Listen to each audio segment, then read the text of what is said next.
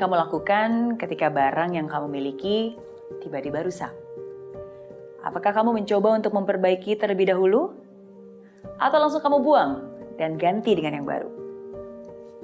Ya, kadang ketika sesuatu yang sudah rusak atau sudah tidak berfungsi sebagaimana yang diharapkan, memang akan lebih mudah jika diganti. Nggak perlu repot-repot benerin, nggak perlu capek-capek dipikirin. Apalagi zaman sekarang, apa-apa mudah didapat. Tapi tahukah kamu, mentalitas yang mudah mengganti sebenarnya bukanlah sebuah mentalitas yang baik untuk diterapkan dalam kehidupan kita. Pemikiran, ah ngapain repot, ganti aja dengan yang baru, gampang kok. Ah ngapain ribet, ganti aja, lebih praktis katanya. Memang, mungkin membuang yang lama dan menggantikan dengan yang baru akan terdengar lebih praktis. Tapi pemikiran seperti itu membuat kita cenderung gak mau susah, tidak tertantang untuk memahami masalah, sehingga kita tidak terampil untuk menyelesaikannya. Bahkan yang lebih menyedihkan, mentalitas mengganti ini belakangan bukan hanya diterapkan terhadap barang, tapi sering kali tanpa disadari, kebiasaan itu terbawa dalam sebuah hubungan. Begitu mudahnya bilang pisah, begitu gampangnya menyudahi sebuah perkawinan. Bahkan begitu cepat mendapatkan penggantinya. Ingat, tidak semua yang telah rusak harus diganti. Ada saatnya kita harus belajar memperbaiki. Karena ada beberapa hal dalam hidup kita yang serusak apa pun itu, kita tidak bisa begitu saja membuang, bahkan menggantinya. Pernikahan adalah salah satu contohnya.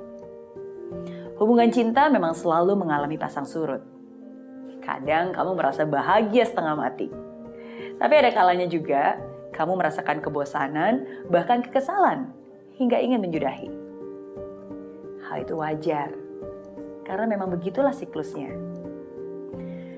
Namun ketika perselisihan terjadi dan muncul keinginan untuk mengganti, ingatlah, langkah pertama yang harus dilakukan adalah sadar dan mencari tahu apa yang harus diperbaiki. Bisa jadi itu hanyalah masalah komunikasi.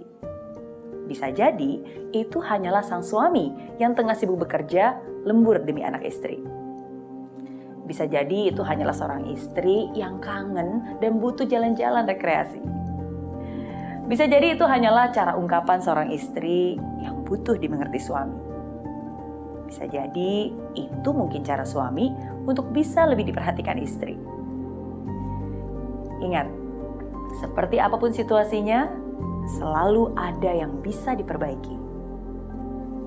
Memang memperbaiki itu sulit, dibutuhkan keterampilan, kesabaran, dan juga kedewasaan. Tapi semua itu bisa, asalkan ada kemauan. Cobalah ingat kembali, ada banyak hal yang sebenarnya patut disyukuri. Istri yang kadang manja dan minta diperhatikan, sebenarnya adalah istri yang penyayang dan penuh bakti. Suami yang pendiam dan tidak terlihat romantis itu sebenarnya adalah suami yang rela berkorban, berkeringat seharian demi anak istri. Istri yang berwajah kusam dan dasteran itu adalah istri yang mungkin seharian mengurus rumah tangga demi baktinya pada suami, hingga lupa merawat diri. Walaupun masakannya tidak seenak masakan restoran, walaupun mungkin wajahnya tidak semudah ketika pacaran. Tapi bagaimanapun juga, dia tetap istrimu. Walaupun gaji yang dihasilkan masih terasa belum mencukupi, walaupun rambut di kepalanya sudah mulai menipis dan memutih, tapi bagaimanapun juga, dia tetap suamimu. Ingat, kelebihan dan kekurangan pasangan adalah ujian diri untuk membuktikan cinta sejati. Dalam rumah tangga, tidak ada suami dan istri yang sempurna.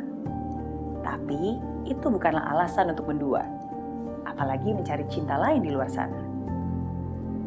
Terima pasangan apa adanya, sambil terus saling memperbaiki diri. Karena itulah sesungguhnya komitmen suami istri.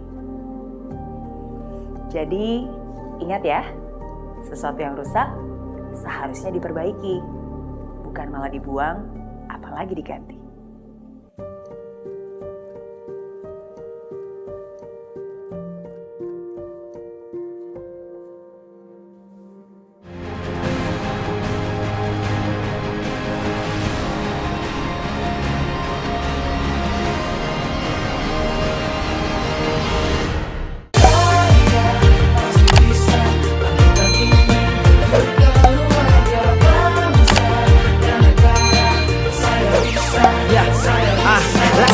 Bumi tanpa hujan, hidup tanpa tujuan, kering dan mati tanpa hijaunya tumbuhan. Ah, demikian kalau mimpi tak kunjung terjadi.